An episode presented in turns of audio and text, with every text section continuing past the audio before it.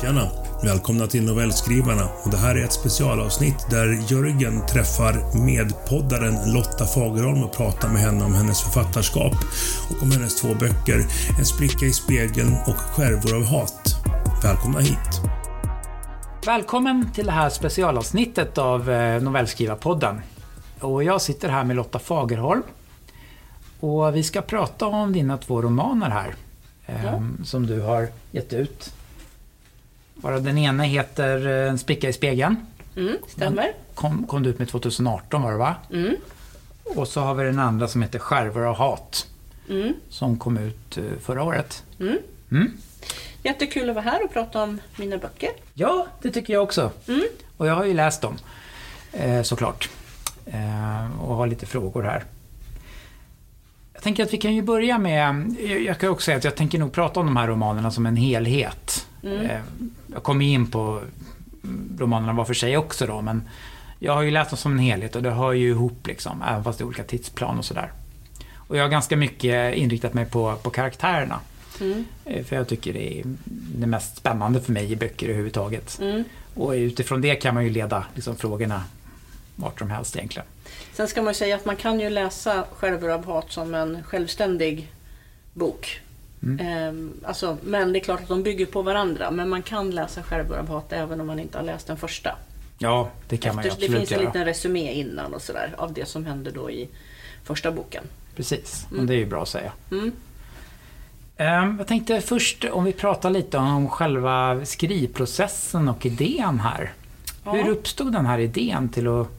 För det första, var du på det klara redan från början att det skulle bli två böcker? Nej, det var Nej. jag inte. Först tänkte jag nog kanske att en spricka i spegel skulle bli längre. Alltså att bygga ut den. För den... Det var nog första idén. Men ehm, sen funderade jag på faktiskt en sväng om den skulle vara färdig. Att det, inte, alltså det bara skulle bli den boken och inte någon uppföljare och så. Ehm, och sen till slut så kände jag att nej, men nu vill jag ändå ge ut den och se också vilket mottagande den får. Och, och så får jag fortsätta och tänka. Så jag, jag, jag var ju helt ny med att skriva. Jag är ju helt ny som författare också. Det känns jättekonstigt att kalla mig författare. Det känns nästan förmätet eh, när man vet hur stora författare som finns och så. Nej, det tycker jag inte. Men, men, ja, men, men det landade i alla fall i att jag gav ut den första och sen fick jag respons från en del läsare som tyckte att det finns, liksom, vad händer sen? Den kändes inte riktigt klar. Och så kände jag att nej, men det går ju faktiskt att bygga vidare. Så att det, det var egentligen så det kom, att det blev en del två. Okej. Men eh, nu blir jag lite nyfiken här när du pratar här i början också. Vi ska ju rulla upp det här från början såklart. Mm, Inte ja. bara romanerna. Nej, Eh, har du skrivit hela livet ändå? Även om det på senare tid har blivit mer på, på riktigt så att säga. Eh, jo men det, det har jag gjort. Eh, och jag hade ju favoritämne i gymnasiet. Det var ju alltid att skriva. Jag menar svenska ämnet eh, var fantastiskt. Jag älskade att skriva uppsatser. Och, men, jag, älskade även att skriva om man fick hem, hemuppgifter alltså i, i, alla skolämnen. Så jag har alltid älskat att skriva och så. Var det något speciellt som, som gav dig pushen till det här allra sista liksom och verkligen se till att de blev utgivna också? Ja, det var ju när jag bröt mitt ben så allvarligt. Ehm, Det var ju julen 2014. Eh, Och då blev jag ju sjukskriven på hel och deltid nästan ett år. Jag fick ju lära mig gå igen. Jag satt ju i rullstol och jag var ju väldigt... Jag, jag var ju stillasittande. Och då någonstans så hade jag ju ganska intensivt åren innan tänkt att jag vill skriva. Och, och då blev det till slut att också hemma så sa min man, jag menar det är ju ingen som kommer skriva, det är ju, det är ju bara du som kan ta tag i det. Mm. Ehm, och då sa han att du kan, och så är det där, man är ju rädd för att misslyckas, jag menar det är man ju ständigt. Och jag vet inte om jag har lyckats men nu har jag i alla fall förverkligat en dröm och det är jag stolt över. Ehm, även om inte jag kan försörja mig på mitt skrivande så har jag ju faktiskt åstadkommit det här av Ja, egen kraft och det, är- det, men det är jag stolt över. Men eh, om vi går tillbaka till den här, eh, de här romanerna. Så var det då, när du bröt benet där, var det då själva skrivprocessen började med det här projektet Just också? det, det stämmer. Och då gick det väldigt, väldigt, väldigt fort. Ja. Så, och precis innan jag bröt benet så hade jag också bestämt mig för att lämna lärarbanan. Mm. Och tackat ja till ett jobb som handläggare på Migrationsverket. Mhm.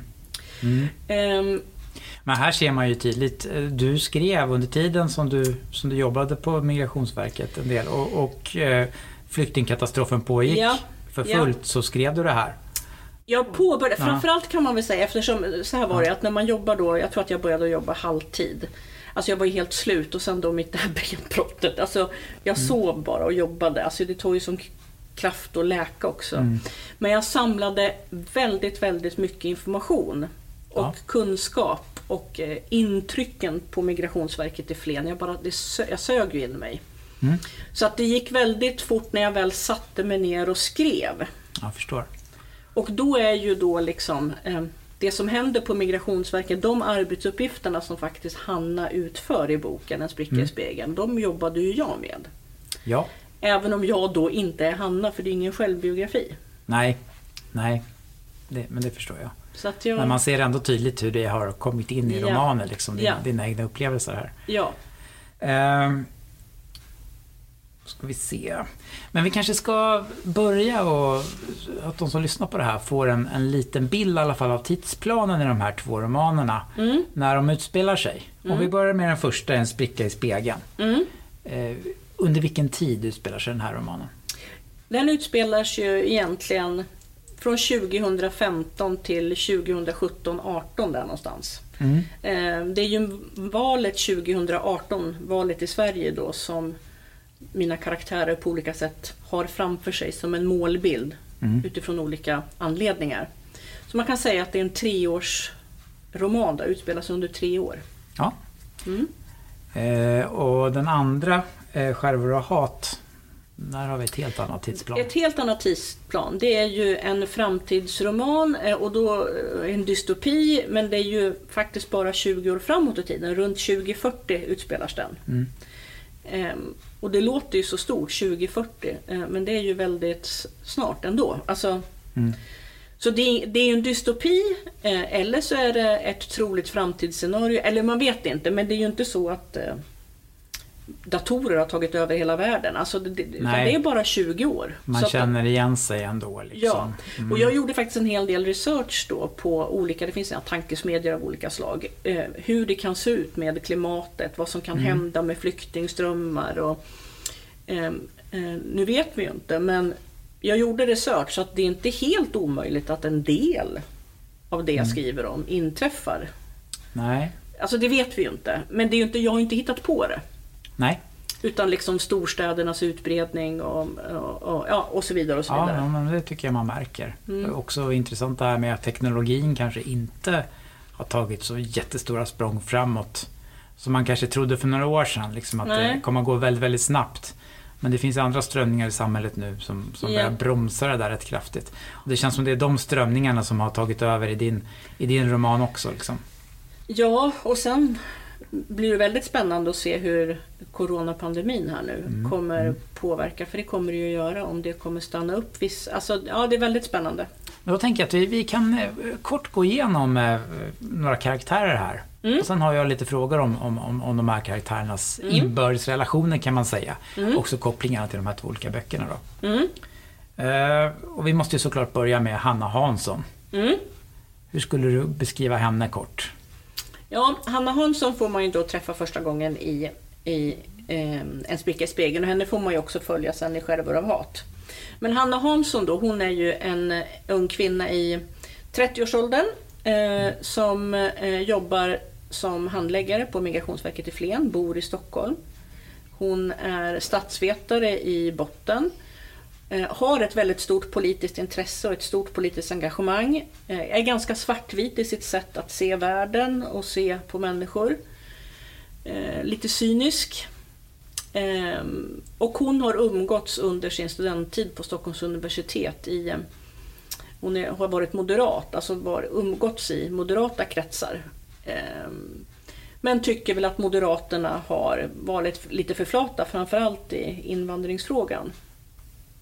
Så att hon väljer att engagera sig i Sverigedemokraterna men är också lite taktisk. Hon vet att det kanske inte är så himla bra att vara välutbildad och gå ut och stolta med ett medlemskap i Sverigedemokraterna. Så hon, hon jobbar för partiet i det tysta tillsammans med sina andra kompisar som också är välutbildade. Mm. Så att hon rör sig ju, hon är ju lite elitistisk.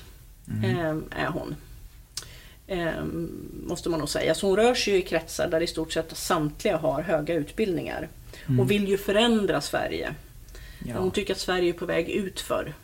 Och så jobbar hon på Migrationsverket ja. med de här idéerna. Det är intressant att ja. hon verkligen försöker och hon har egentligen blivit på något vis kan man säga en liten mullvad därför att Sverigedemokraterna vill ju vinna valet 2018 och man vill ju verkligen jobba för en stor förändring eh, mm. i bland annat invandringsfrågan. Men det finns ju även andra frågor då. Men då väljer hon faktiskt att betala. Hon vill inte alls sitta och åka till den där lilla hålan Flen och hon vill egentligen mm. inte alls jobba där eh, med de frågorna. Hon har andra drömmar och planer. Mm. Vill, vad de är, det är väl inte riktigt tydligt. Men hon ser det här som att nej, men jag får offra mig någon, någonting för kampen för att skaffa information mm. från insidan om hur mottagandet av flyktingar går till, vad det kostar. Alltså helt enkelt vara en liten mullvad och samla information för att sen sprida det internt inom Sverigedemokraterna för att man kan gå ut och göra mediagrejer på det och så. Ja. Hon är missnöjd över lönen och jag menar, så hon, hon gör ju det här men hon är väldigt trött på det. Hon vill, ju, hon vill inte men hon, hon gör det. Hon offrar ett par år av sitt, sitt mm, yrkesliv mm. för den goda sakens skull. Det, det, är spännande det här. Tror, tror du att det kan gå till så i, i verkligheten också? Att det till exempel att man börjar jobba på Migrationsverket när man har väldigt starka politiska åsikter. Oh ja, det tror jag. Försöker styra liksom lite grann därifrån. Ja, för det är någon typ av wallraffande som ja. hon gör. Att det finns ju wallraffande då, om man inte känner till det, det är att journalister som är journalisten kan gå in och till exempel bli medlemmar i eh, liksom i eh, någon typ av kriminell organisation och så för att skaffa mm, sig mm. information. Mm. Men sen för att inte vara kriminella men att använda sig för att skildra hur det är inifrån och så. Mm. Och jag tror absolut att det förekommer människor som använder sig av sina yrkesroller på det sättet som ja. Hanna gör. Jo men det, det tror jag. Det tror väl jag också egentligen när jag tänker efter. Men eh, vi kommer såklart tillbaka till Hanna på mm. många sätt. För hon är ju centralfiguren, hon är ju huvudpersonerna i de här. Mm. Den sammanhållande mm. personen i de Absolut. två romanerna också. Absolut. Men i den första romanen framförallt, då kretsar ju mycket kring eh, Hannas familj. Mm. Och där har vi också hennes mamma, mm. som heter Kristina. Mm. Vad kan man säga om henne kort? Ja, lite kort kan man ju säga att jag tänker mig i huvudet att Hannas mamma är ju skild från Hannas pappa. Mm. Eh, och hon har lite svårt, Hannas pappa är faktiskt bisexuell och lever lite alternativt. Och hon har mm. jättesvårt för att eh, liksom, acceptera pappans livsstil. Eh, det ligger väldigt långt ifrån Hanna själv. Mm. Eh, och sen mamman är däremot en aktiv socialdemokrat och jobbar mm. som politisk, opolitisk tjänsteman i regeringskansliet och har gjort det under många år. Sen är hon socialdemokrat, men hon, eftersom hon har varit ensamstående eh, försörjare för Hanna i princip under uppväxtåren så har hon inte tagit på sig något politiskt uppdrag eftersom, ja, om regeringen får avgå så sitter man då Nej, som, ja, då måste man själv avgå. Mm. Så hon har liksom valt sig, men, men är ju väldigt engagerad i politiska frågor också. Men på motsatt sida då, spelhalva mm. mot mm. Hanna. Eh, och jag, i mitt huvud så tänker jag att i början kanske Hannas politiska engagemang var sådär en revolt mot, mot mamma. mamman och pappan. Att jag vill mm. gå min egen väg och forma min egen identitet. Liksom. Mm. Men mamman är ju då socialdemokrat. Mm. Eh, men spännande är också Halina. Mm. Eh, som är, är Hannas mormor. Mm. Eh, mm. Vad kan vi säga om henne? Ja, och Halina hon är ju en, en kvinna som är född i Polen, så en polsk flykting som kom till Sverige som flykting efter andra världskriget. Och det hörs ju på namnet och Halina bryter fortfarande lite grann även om hon pratar utmärkt svenska. Och hon var språklärare i Polen och har ju fortsatt att jobba som översättare och så när hon kom till Sverige. Så att, men det är ju ingen hemlighet att hon kommer från Polen. Problemet är väl som både Kristina och Hanna har lite svårt för, det är ju att Halina vill ju inte alls prata om sitt förflutna. Så man, mm. De vet ingenting egentligen om henne. Eh, de förstår att det är saker som har hänt och som inte är bra. Men... Ja, ja men, ja, men vadå, Halina hon var en katolsk flicka som växte upp i Krakow och, och det, hon mm. såg ju massa hemska saker. Eh, fruktansvärt jobbigt naturligtvis. Men ja, vad ska vi göra? Hon är en gammal kvinna, vill hon inte prata om sitt förflutna. Vi kan ju inte tvinga henne. Men det är ju mm. någonting som ligger där. Absolut. mellan de här Mm. tre kvinnorna. Tydligt men diffust. Ja, det, det tycker jag är nästan det mest spännande i den första romanen. Den här spänningspunkten mellan de här tre kvinnorna. För det är ju komplicerat på alla Mycket. plan. Mellan mor och dotter här. Ja. Mellan Kristina och Hanna, men kanske på ett sätt nästan ännu mer mellan Mm. Halina och Kristina. Det är ju ganska, ganska trasiga relationer känns det Mm. som. Men ändå så känns det som att de är ganska tajta de här tre. De, de håller, alltså rent fysiskt i alla fall, att de träffas Mm. och, och håller ihop ändå. Jo, men mm, det har jag också tänkt på eh, sådär när jag tittar tillbaks på när jag skrev det. Att, för att Halina då, hon gifte sig med en svensk man, men han går ju bort väldigt tidigt. Eh, så att Kristina växer ju också upp med en ensamstående mamma. Mm. Så att de blir ju väldigt tajta. Men problemet är ju att eh, Halina vill inte prata om sitt förflutna. Hon är ensamstående, har inte riktigt kommit in i Sverige. Så att hon, hon fokuserar egentligen bara på att försörja Kristina, att se till att hon har kläder. Det blir inte särskilt mycket värme i den relationen.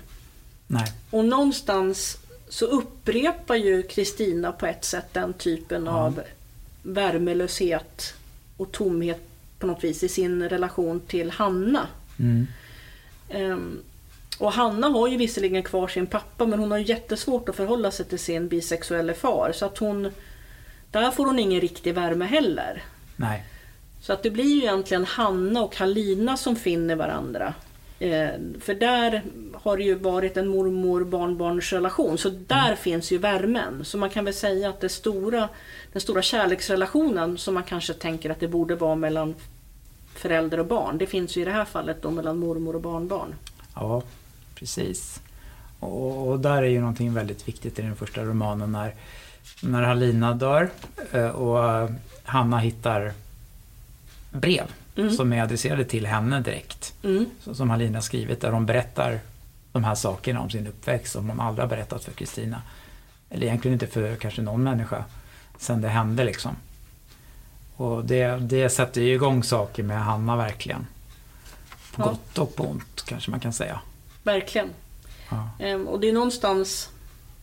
Det blir ju någon typ av crescendo att då ifrågasätter jag för att, för att inte ja, berätta hela boken. Men Halina har ju då varit med om jättesvåra saker. Eh, suttit Mm. i arbetsläger och koncentrationsläger och så. Ehm, eh, och hon har alltså inte förmått sig. Hon har velat gå vidare. Mm. Eh, Det är så många överlevare överhuvudtaget i svåra katastrofer att, som säger att "Ja, men man orkar inte prata om man måste fokusera framåt, det gör för ont. Nu har det Mm. varit på något sätt. Ja. Men grejen är ju, som jag tror att forskning och så tittar på nu, att man kan ju förstå de enskilda individerna som vill släppa, men det sätter såna oerhörda avtryck på generationen, på barn och barnbarn som kommer efter. Att det går inte att göra ett kryss över det som har varit, utan för att kunna veta sin framtid på något sätt så måste man också ha kunskap om sin historia. Ja. Ehm, och det här gör ju att Hanna får ju någonstans en fullständig identitetskris när hon läser om vad sin mormor har gått igenom. Mm. Och då börjar hon ifrågasätta sina egna val, sitt politiska engagemang, vad hon ska göra med sitt liv, kort sagt. Ehm, Och hon eh, får ju också ganska stora alkoholproblem. Ja. Ja, hon, hon är ju alkoholist till och med. eller Hon blir Oh ja, visst är hon Ja. det. Ehm, Ja. Och det tänker jag också att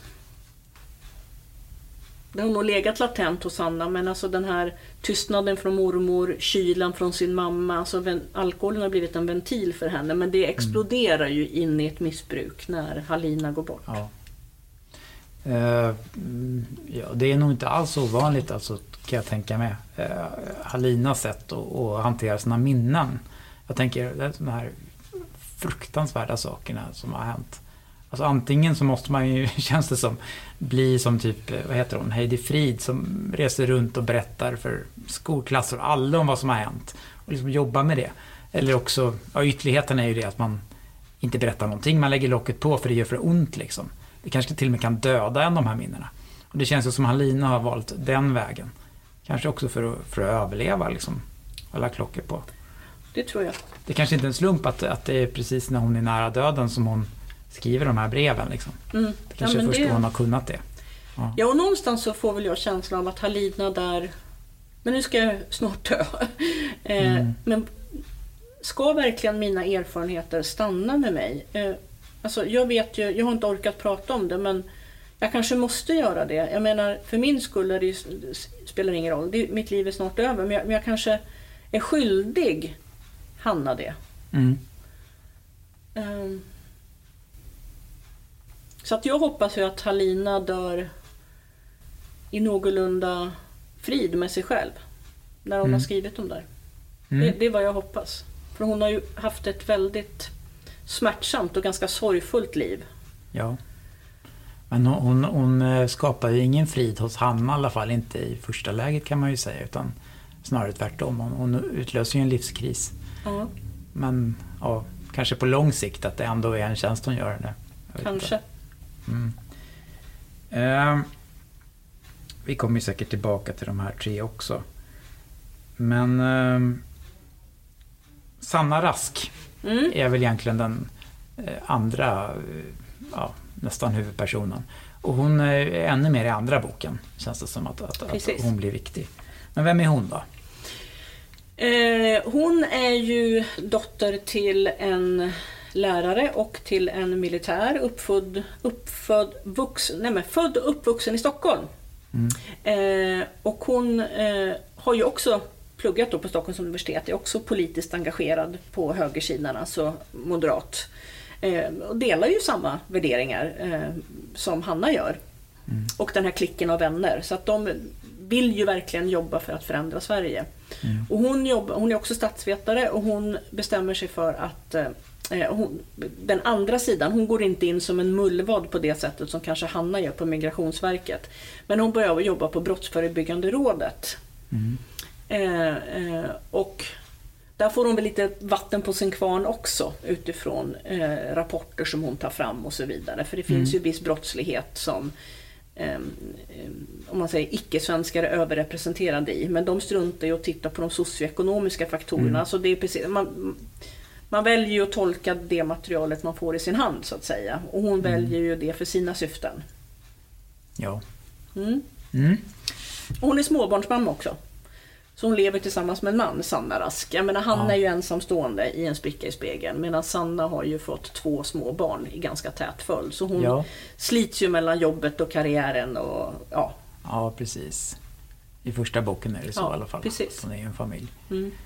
Ehm, ja, eh, nu förebådar vi lite eftersom vi går in på andra boken också. Men, men eh, jag tänkte två till karaktärer som är viktigt att och, och liksom presentera lite här Mm. innan vi går in på dem på allvar. Viking. Mm. Viking är ju eh, Sannas son. Eh, som då är en pytteliten kille då i första boken Mm. men som är vuxen i andra boken. Ehm, och det var väl också när jag väl bestämde mig för att skriva en uppföljare så bestämde jag mig för att på något vis involvera nästa generation. Och det är ju så att Hanna får ju också ett barn i slutet av en spricka i spegeln. Och då tänkte jag att hur påverkar, för det vet man ju, det har ju redan påverkat Hanna till exempel, hennes uppväxt och Mm, mm. hennes val genom hur mamman var och hur mormor Halina var. Och eftersom de här är ytterligheter jobbar ju verkligen politiskt och har ju verkligen en bestämd bild hur de vill omforma Sverige. Mm. Så kände jag att då måste nästa generation, det vill säga Viking då, eh, alltså den generationen och Hannas barn, att då får de komma in och ta en betydligt större plats. Mm. Så att han är ju son då till Sanna. Ja. Och, och i andra boken så, så är det en brevväxling mellan Hanna och Viking som, som är väldigt central, skulle jag Ja. säga, för, för handlingen. Och det är också intressant med de här två, två barnen då, Viking och, och Isak heter ju eh, Hannas eget barn, eller hur? Ja. Som väljer två helt olika vägar. Helt olika vägar. Eh, och sen har också Isak en syster som heter, eh, nej säger, eh, Viking har en syster som heter Vera. Mm. Eh, och hon väljer också en helt annan väg än sin bror Viking då. Mm. Eh, Men det är riktigt. Eh, Isak och Viking går ju helt olika vägar och det är ju egentligen Isak får man ju träffa indirekt genom Mm. att, eh, i brevväxlingen då mellan Hanna och Viking. Men det är egentligen Viking man får följa mest då. Ja, precis. Och det är väl det vi pratar om. Alltså det är olika, jag har använt mig av två olika typer av berättartekniker i de här böckerna. Alltså första boken, eh, En spricka i spegeln, där finns det ju... Jag försöker driva fram berättelsen både genom att återbe- berättande och återberättande partier. Men eh, framförallt så finns det ju en dialog som pågår mellan Hanna och Sanna till exempel. Mm. Medan i Skärvor av hat, där har jag valt att inte ha någon dialog alls. Alltså inga Nej. pratminus. Utan det är en indirekt samtal som de för med varandra Mm. eh, i brevform. Mm. Just Så att det, det är Mm. helt två olika berättarsätt Ja, det där är som det, jag valt. det är det verkligen. Eh, Och det ska vi nog också gå in på lite mer sen. Men eh, Jamal var den sista som jag tänkte att vi kan prata lite om. Och han, han är väl inte alls med i första boken? Han är inte alls med i Nej. första. Utan han är en av de här faktiskt som kommer till Sverige tidigt. Eh, under 2000-talet. Mm. Ehm, och är ju liten och hans bröder växer ju upp. Han har ju tre bröder. Så de utsätts ju han och hans familj. De kommer från Irak. Ehm, Mm. För rasism och för, ehm, alltså lever i ett segregerat bostadsområde i norra Stockholm. Mm. Eh, varken mamman eller pappan, eh, Jamals föräldrar, då, kommer in ordentligt i det svenska systemet. Och han är väl, väldigt, väldigt bitter och förbannad. Mm. Eh, alla hans bröder är födda i Sverige. Själv var han ett drygt år när han kom till Sverige. Men ändå, det spelar liksom ingen roll. Därför att även om han pratar svenska och har gått i svensk skola så blir han bara betraktad som en jävla blatte, som en jävla muslim. Och Mm. är ganska arg. Men det som framförallt gör att benen slås undan för honom det är att han blir oskyldigt anklagad och fälld för ett ganska grovt brott. Mm. Och det får honom att eh, vilja hämnas kort sagt. Mm. Eh, och hans eh, perspektiv är att ja, men det spelar ingen roll, även om jag inte hämnas efter ett sånt här grovbrott och ett långt fängelsestraff. Jag kommer aldrig komma in i samhället ändå. Jag kommer aldrig bli anställd någonstans. Jag är nedsvärtad för all framtid. Så att Mm. då tar jag makten över min, min egen framtid. Alltså, jag vill hämnas då på den som satte dit mig för det här brottet. Det blir liksom det han lever för. Ja, det är lite som samhället har skapat ett monster där som Ja. inte fanns från början. Ja, lite så. Mm. Och det är någonstans det, för då, han hämnas ju då 2040, det är då vi är i Mm, framtiden. ja, och någonstans försöker jag väl väcka en tanke att jag försöker inte, eller jag tar inte politisk ställning, men alltså det blir ju konsekvenser om man har ett samhälle där det finns väldigt stora skillnader mellan rika och fattiga, mellan vänster och höger, mellan de som har och de som inte har. Alltså någonstans blir ju det konsekvenser och det, det här skulle kunna vara en konsekvens. Mm. Och jag pratar ju också om i Skärvor av hat, har vi fått och det är på gång. Bland annat i Skåne så bygger man ett gated community. Alltså Mm. för villor, att bara liksom, det ska stå vakter där och man ska ha en viss inkomst och annars släpps man inte in och Ja. sådär. Och Jamal när han kommer ut från fängelset åker ju där i norra Stockholm ut i ett område och tittar då. Och det, det är ju liksom, han, han kommer ju inte in där därför att han inte är inbjuden. Utan där står ju folk med vakter och hundar och vaktar. Mm. Och jag som då har rest bland annat i USA, jag har varit i Sydafrika, jag har ju sett de här i verkligheten. Mm. De står med k-pistar, alltså det är helt galet. Ja. Men man får ju det samhället så som man själv bidrar till det. Och jag, det är ju det jag försöker väcka, att du Mm. och jag som läsare, eh, vi har ett ansvar när vi går och röstar eh, och, och, och formar det landet vi vill ha.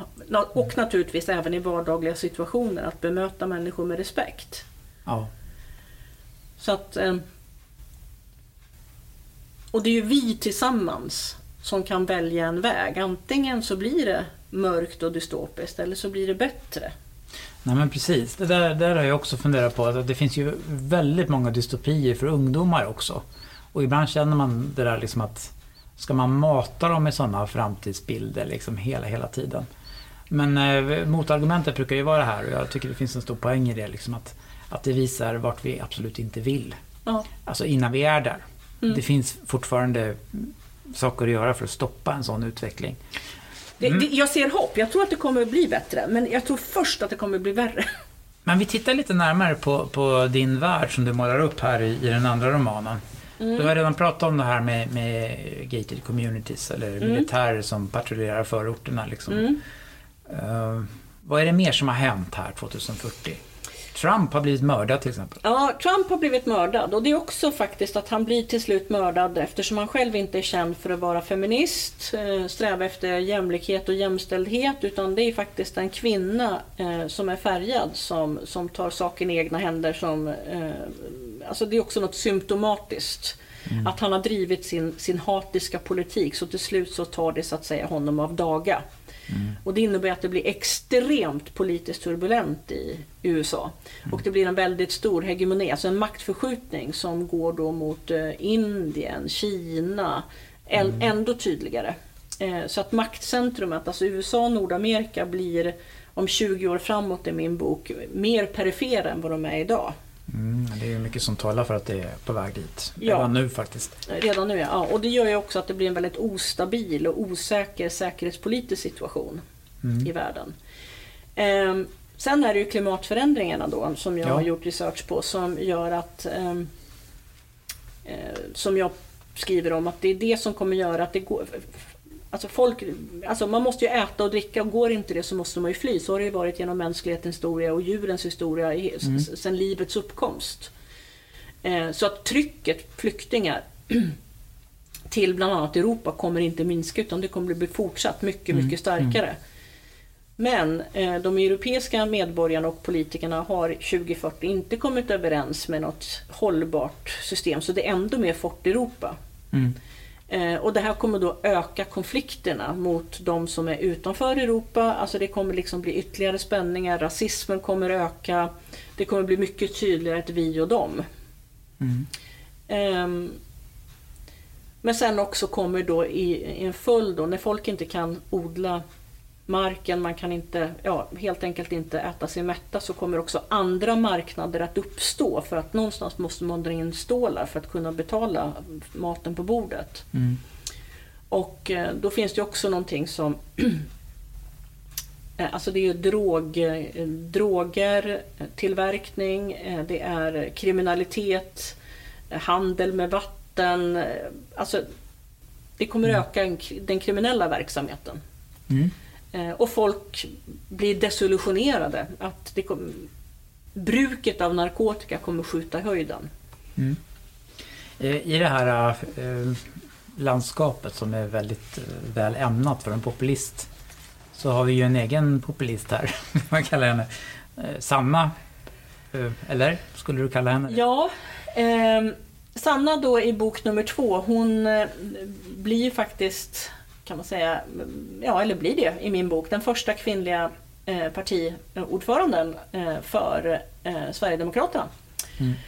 Så att hon blir ju en ledande politiker och blir ju också väldigt framgångsrik. Sen har hon ett väldigt turbulent privatliv mm. minst sagt. Men hon, det är ju hennes mål och mening. Så hon, hon är ju fanatiskt övertygad om att man måste egentligen stänga gränserna. Att man måste mycket hårdnackat mm. eh, hålla på vi och dem. Och hon håller ju kvar vid sina idéer som hon har haft i den, i den första boken. Att det nästan blivit, ännu, blivit mer. ännu mer vässat. Ännu Där har vi en jättestor skillnad mot, uh, mot Hanna. Ja. Och de här två har ju också brutit när vi är inne i den andra, andra boken. Ja. Och det här bottnar ju också i någonting som vi inte har nämnt än. Men, men en, en, eh, ett politiskt spel i den första boken. Eller en, en stor skandal liksom. Som, som, som Hanna och hennes mamma är väldigt involverade i. Precis.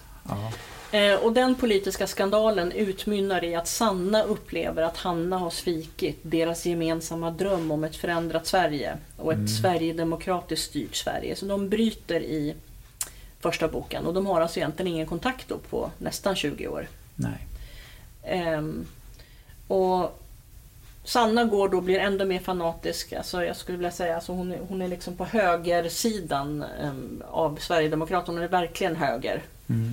Eh, Medan Hanna då på något sätt efter att hon får ta del av mormor Halinas livsberättelse. Eh, det är inte så att hon svänger och blir någon vänsterpartist eller så men alltså hon mjuknar betänkligt och, och, och mm. ser ju i alla fall andra perspektiv. Mm. Men är ju en väldigt, alltså någonstans förlorar hon ju inte bara fotfästet i vem hon är, alltså hennes förflutna, utan jag upplever att hon förlorar fot, hon är ganska olycklig. Mm. Um, så att Hanna är, känner jag, är en väldigt olycklig människa och hon får omvärdera allt i sitt liv. Sen börjar ju hon då jobba, hon jobbar ju med forskning och är statsvetare då. Ja. Eh, och är ju inte alls aktiv politiskt längre. Klart att hon har tydliga politiska preferenser och de ligger ju inte på vänstersidan men hon tar ju bort allt det där. Ja, eh, Men Sanna skulle jag vilja säga, min tolkning av boken är, är egentligen en, en ännu trasigare människa än vad Hanna är. Eller liksom hon... Eh, hon omprövar ju inte sig själv på det sättet som, som Hanna gör utan det blir bara ännu mer extremt. Men dessutom som du också sa, hennes privatliv. Det är ju det som till slut eh, krossar henne kan man väl Mm. säga. Eh, och, Men på det sättet kan jag tänka sig att Sanna på något vis känns lycklig för hon är så otroligt övertygad i sina politiska ställningstaganden. Hon, hon rubbar sig inte en millimeter. Så någonstans upplever jag, eller jag vet inte, men hon känns mer...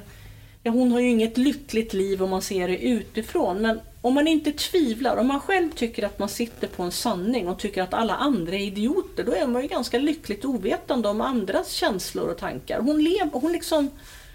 Jag är sann, jag har hållit fast vid mina ideal. mm. Nej, Jag vet inte, men, Men alltså det- Hanna är ju liksom...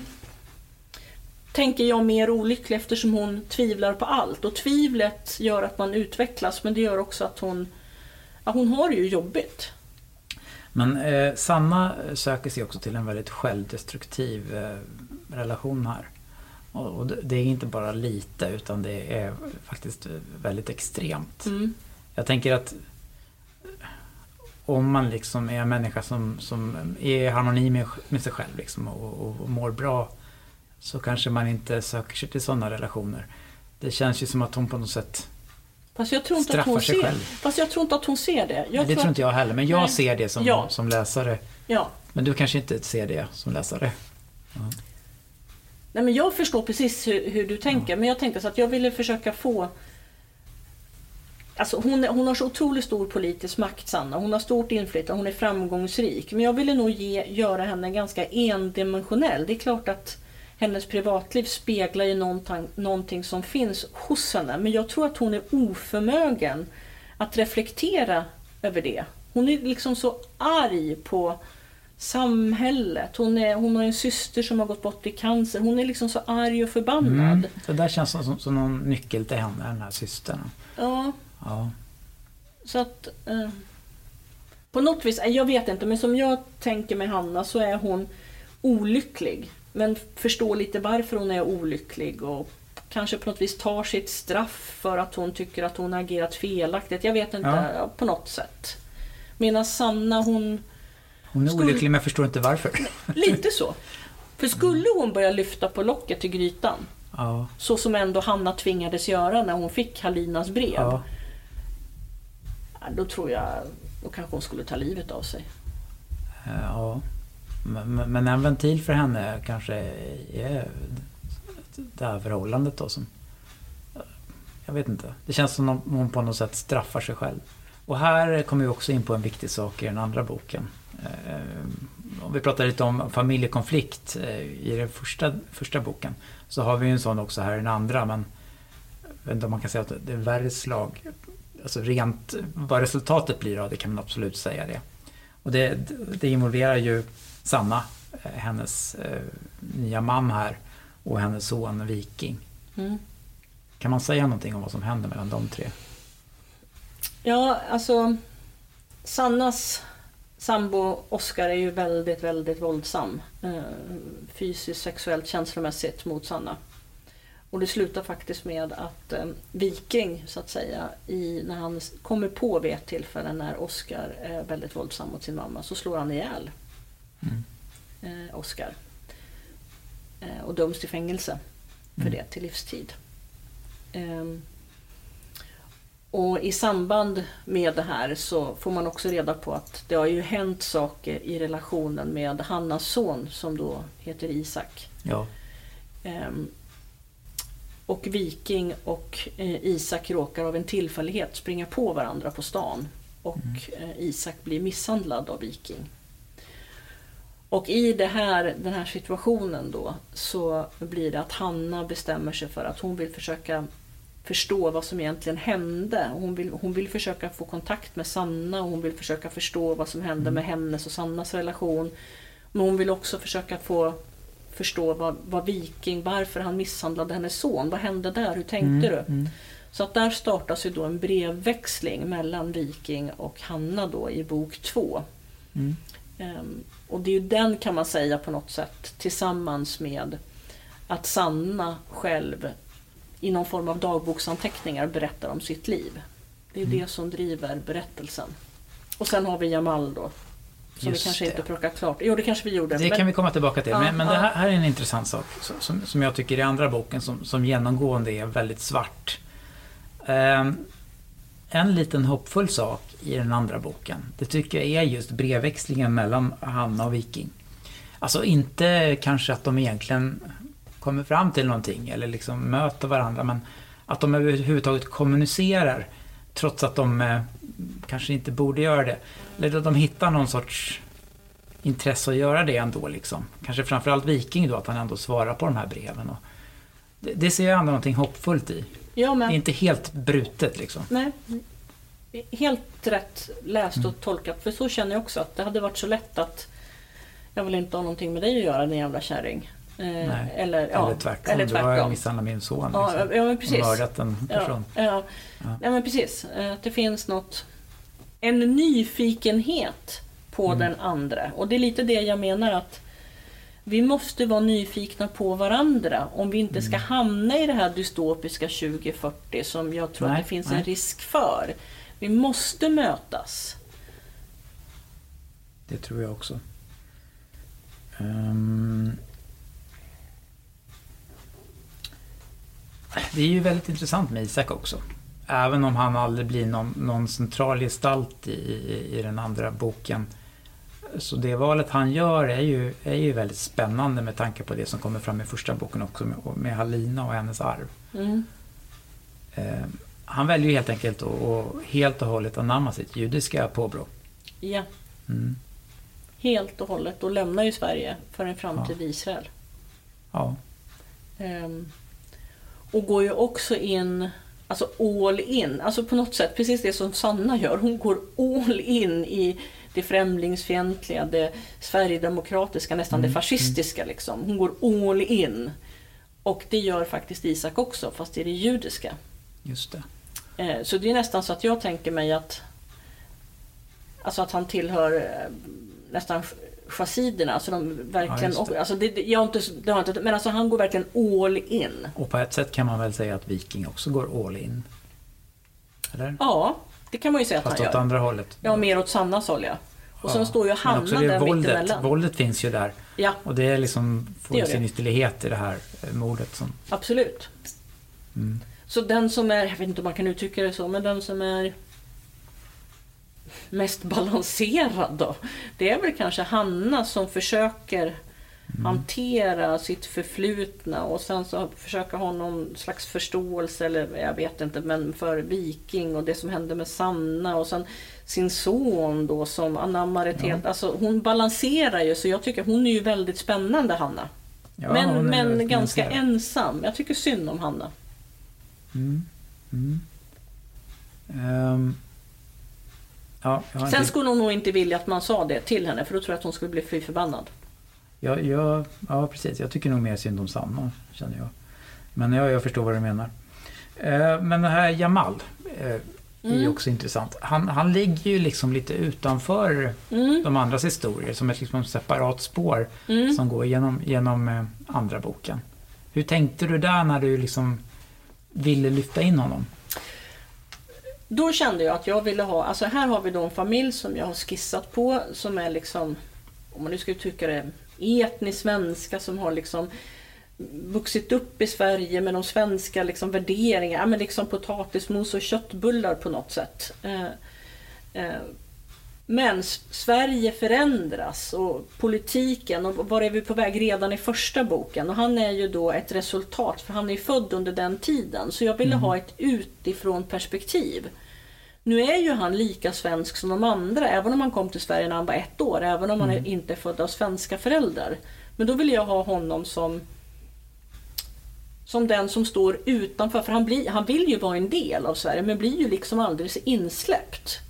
Och hur han då, lika svensk som Viking och som Isak är, men betraktas ju inte som svensk av samhället i övrigt. Det är hans väldigt starka upplevelse och inte minst eftersom jag då skruvar på det rätts, rättssystemet som vi har i Sverige, att det blir Mm. politiserat. Han menar ju att det är helt diskriminerande och det kan man verkligen, det är ju Mm. otroligt. Jag har ju en kompis som är åklagare. Hon var ju mörkrädd när jag berättade om de här parti, eh, partierna, liksom, att jag ville skruva på det, att det liksom Mm. blir ett eh, partipolitiserat rättssystem. Så att hans perspektiv vill jag ha, han är ju både inifrån och utifrån. Förstår du vad jag menar? Mm. Han är ju svensk och har ju gått i svensk skola.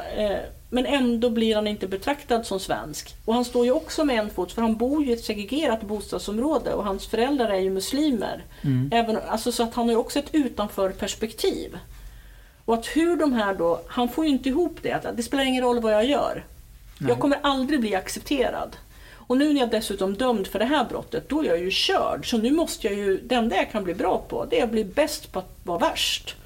Och nu ska jag göra då, hämnas den här individen som har satt dit mig, men jag ska också hämnas liksom det svenska samhället. De ska få se, så här går det när man inte har ett rättvist och jämlikt samhälle.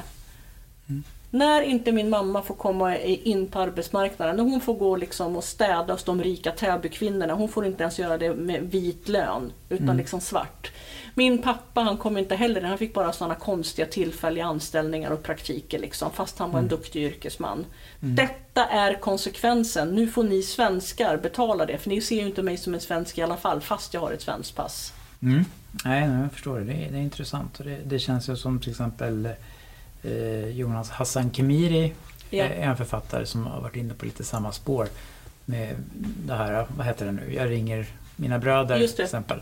Hur samhället har bestämt sig för att mm, en viss typ av människor är skurkar redan innan de är det. Och på så sätt så skapar man de här skurkarna som inte fanns från början. Ja, Ja, han känns som en sån ja. karaktär. Eh, egentligen så, kanske lite med undantag från Hanna, så, så finns det ju, tycker jag, ingen riktigt sympatisk person i de här romanerna. Som, som liksom, Halina kanske. Men det Vera, Vera. Ja, vikingsyster, för hon tar ju avstånd från jo. både sin bror och Mm. sin mamma. Ehm, och, och sätter ju verkligen gränser. För att Vera har ju en liten dotter Mm. eh, som hon säger till sin mamma sen att du, du med dina politiska värderingar, jag delar inte alls dem. Jag tycker att det är helt förskräckligt eh, det du tycker och tänker. Och, det spelar ingen roll att du är en känd politiker och, och du har kommit till makten genom demokratiska val. Du står för någonting som jag inte står för. Och jag Nej. vill inte att du eh, överför den typen av värderingar på min dotter. Så att du får inte umgås med henne på egen hand. Nej. Ehm, jag tror att vi lite eh, ska börja knyta ihop det här lite grann. Mm. Eh, nu vet jag att den här frågan på vissa sätt är ganska omöjlig. Men skulle du säga att, att dina romaner har ett tydligt budskap? Eller någonting som du vill, vill säga mer om? Jo, men det är väl lite det som jag har varit, försökt att med emfas säga här. Att vi, vi, vi tillsammans, du och jag och Mm, alla som lyssnar, det är vi som skapar vårt samhälle, det samhället vi vill ha. Det är vi tillsammans som skapar vår framtid. Mm. Ehm, och det är ett Alltså vad vill vi överlämna till våra barn? Ehm, Vad vill vi lämna för värderingar? Hur vill vi ha svenska skolan? Alltså det, det, vi kan inte skylla ifrån oss. Och det är de, många av de som är överlevare. De säger låt det inte hända igen. Det är ju ni som har makten, säger de här. De finns ju nästan inte kvar längre. Men se till att det inte händer igen. Och den enda som kan se till det, det är ju ni. Ja. Ta av skygglapparna. Var medmänskliga, se varandra, möt varandra. Mm. Och därmed inte att man kommer älska alla. Och, jag menar som det här med Israel till exempel. Jag menar man kan ju ha en åsikt om hur Israel bedriver sin politik nu. Eh, Och det är ju inte samma sak som antisemitism, att man hatar judar Nej, till exempel. Eh, Men det är ju hur vi formar vårt liv tillsammans som avgör hur det blir i framtiden. Mm. Ja, men det är eh, en bra, bra svar. Det svarar också på en annan fråga som jag inte behöver ställa då. Eh, Men eh, om vi så här avslutningsvis ska gå in på själva utgivningsprocessen. Liksom. Eh, Kan du berätta någonting om, om den? Det skilde sig lite från de två, den första och den andra här va? Ja, och, och det, det är väl det, det som är egent- egentligen tråkigast och svårast. Är att i princip så... Ja men man kan säga det att Författarförbundets medlemmar 10% kan försörja sig på sitt skrivande. Så att Mm. Det gäller att vara ödmjuk inför det. Skriver man en bok, det är ytterst, ytterst, ytterst få som kan leva på sina böcker. Och, Ja, och, och att bli rik på sina böcker, det är ändå färre. Ehm, Så det är väl det som jag tycker är jobbigt. Att fast jag skickade in båda mina manus till ett stort antal förlag så var det bara nej tack, nej tack, nej tack. Å andra sidan så finns det ju, alltså jag gör ingen liknelse i övrigt, men jag menar Strindberg till exempel blev refuserad och andra stora författare har blivit Astrid Lindgren till Astrid exempel. Lindgren till exempel. Så att jag gör ingen liknelse på något sätt, men, men hoppet är det sista som överger en. Men det är väl det svåraste, att även om man har en berättelse som man tycker är värd att berättas och som man tror ska kunna få läsare, Mm. så är det svårt att få ut den. Ehm, Så första boken så att säga betalade jag ju allting liksom Mm. för. Det var ju Vulkan då. Det är ju liksom utgiven, man betalar ett bokförlag och så får man betala allt. Liksom. Mm. Ehm, och även om jag hade några kompisar som hjälpte mig med redigeringen ehm, så var det ingen professionell redigering. Eh, men allt kostar ju pengar. Mm. Så och det är en process som tar väldigt mycket. Och det är ju så att när man är författare, när man skriver, då vill man ju skriva berättelserna. Jag är ju ingen marknadsförare, jag är ingen ekonom, jag har inga visuella bilder av och liksom det här, och nu ska du starta upp den där. Alltså, och det är så mycket med, alltså jag tänker att jag vill ju skriva berättelser, det är det jag tycker att jag är bra på. Mm. Och det är det som gör att det är så svårt att nå ut. För jag har ju ingen, jag Camilla Läckberg hon kan ägna sig åt sina böcker och sen så skriva sina berättelser. Sen har Ja. hon en stab som bara gör allt hon säger och vinkar liksom med fingret på. Så är det ju. Ehm, Men, men med andra romaner? andra det? då är, då är det ett hybridföretag, eh, eh, bokförlag, som, där jag får betala en del Ja. av utgivningen. Och sen får jag då en del av marknadsföringen. Men fortfarande så är det ju liksom de stora kostnaderna står ju jag för. Men de, jag betalar ju för att de har en lagerhållning för min bok. De har gått ut lite på sina kanaler och marknadsfört. Jag fick vara med på Bokmässan i september Ja, mm. 2019. Eh, men återigen, bl- blir man antagen på... Eh, skulle jag nu börja sälja massor med böcker av de här två romanerna, då får jag ju behålla väldigt mycket av Mm. intäkterna själv då eftersom jag inte har ett förlag som Norstedts eller Bonniers eller whatever. Nej, Så- för då tar ju de en massa pengar eftersom de gör allt grovarbetet då. Mm. Eh, Men om man tittar på det, jag har ju... Jag ligger fortfarande back kanske 60-70 000 Mm. på mina två utgivna böcker. Så att jag har ju inte gått med vinst. Eh, och gå med vinst, eh, jag menar nu är det break-even jag letar efter, att få tillbaka de där Ja. pengarna. Och det är inte troligt, så, så som det ser ut. Men var en drivkraft från dig på något sätt att gå med vinst? Inte alls. Eh, ja, men jo men alltså på så sätt gå med vinst. Jag skulle vilja tjäna som, jag behöver inte ens tjäna, lärare tjänar inte jättemycket pengar. Men eftersom det är det min profession ändå är. Eh, så skulle jag vilja tjäna som en lärare med lite dålig lön. Alltså bara jag kan försörja mig och betala mina, jag behöver inte tjäna mycket pengar men jag skulle vilja leva på att skriva. Mm. För det är väl det stora problemet att nu jobbar jag ju 80 procent. Ehm, man är helt slut när man kommer hem. Alla som känner igen det. Ja. Men Man behöver inte vara lärare men jobba med människor och det, liksom, ja, det blir väldigt lite kraft kvar till annat. Mm. Ehm, sen är det inte bra heller tror jag för mig personligen. För jag får ju massor med inspiration av att möta elever och människor. Ehm, jag tror inte att jag kanske skulle må bra att vara jättekreativ om jag bara satt hemma och skrev. Men Nej. tänk på att jobba en eller två dagar i veckan som lärare och sen resten kunna sitta Åh, hemma och gud, skriva. Vilken dröm. Vilken dröm! Men eh, vi- det känns ju ändå som att det är så idag att det finns ändå möjlighet, som du har gjort till exempel, eller att ge ut böcker utan att, eh, nu kostar det ju en del pengar och så, men utan att bokförlagen står där som gatekeepers och liksom håller borta allt som de, de inte vill ha. Eh, Så och var det är positivt, jag. så var det Ja. förr. Så det här är ju positivt. Det som är en Ja. fördel med det här nya, nya sättet att ge ut, det är att alla kan ju ge ut en bok. Ja, Eh, Så att jag menar, det spelar ingen roll om man skriver bra eller dåligt. Alltså alla kan ge ut en bok. Mm. Och det är också, tycker jag, något demokratiskt i det. Mm. Att det är ju liksom inte en sluten värld. Förut var ju författare liksom elitens elit elit på något ja, vis. Eh, eh, men samtidigt då så kan jag också bli så förbannad. För det finns många som har gett ut böcker som jag har gjort. Men som, mm. som skriver, tycker jag många gånger, bättre än de som blir utgivna på etablerade bokförlag. Mm. Mm. Och är det så, alltså ursäkta eh, Camilla Läckberg, eh, du är väldigt duktig på att skriva liksom historier som säljer. Men jag tycker inte att det är ett stort författarskap. Nej. Men hon skriver säljande.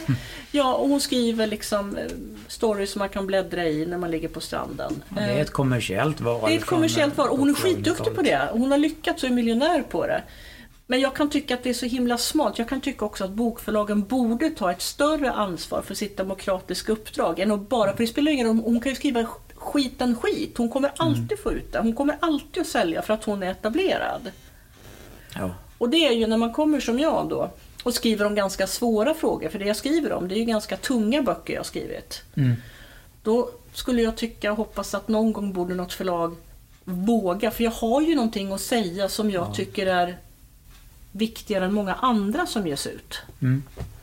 Det är ett egoperspektiv. Men jag kan Nej, ju, jag förstår vad du menar. Jag, jag, ser också det där som ett problem att de, att de ofta satsar så mycket på de här kommersiella lättsålda författarna av böckerna. Att, de, att det är klart att de måste göra det för att överleva kanske, men att de måste tänka på tillväxten också. Eller på bredden liksom. Att det, det finns ett egenvärde i litteratur också. Eh, att liksom ta fram nya författarskap och, och, få en bred bild av ämnen som avhandlas, olika typer av stilar och sådär. De tar ju död på sig själva på ett sätt, ja. tänker jag, när det blir så.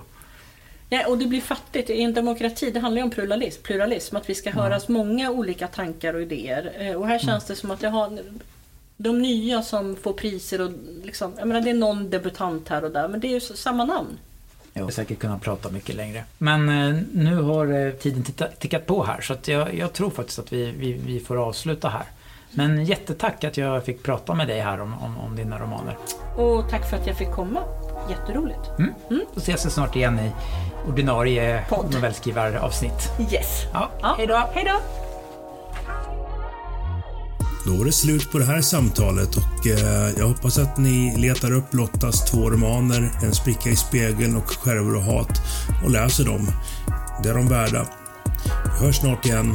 Ha det bra. Tja!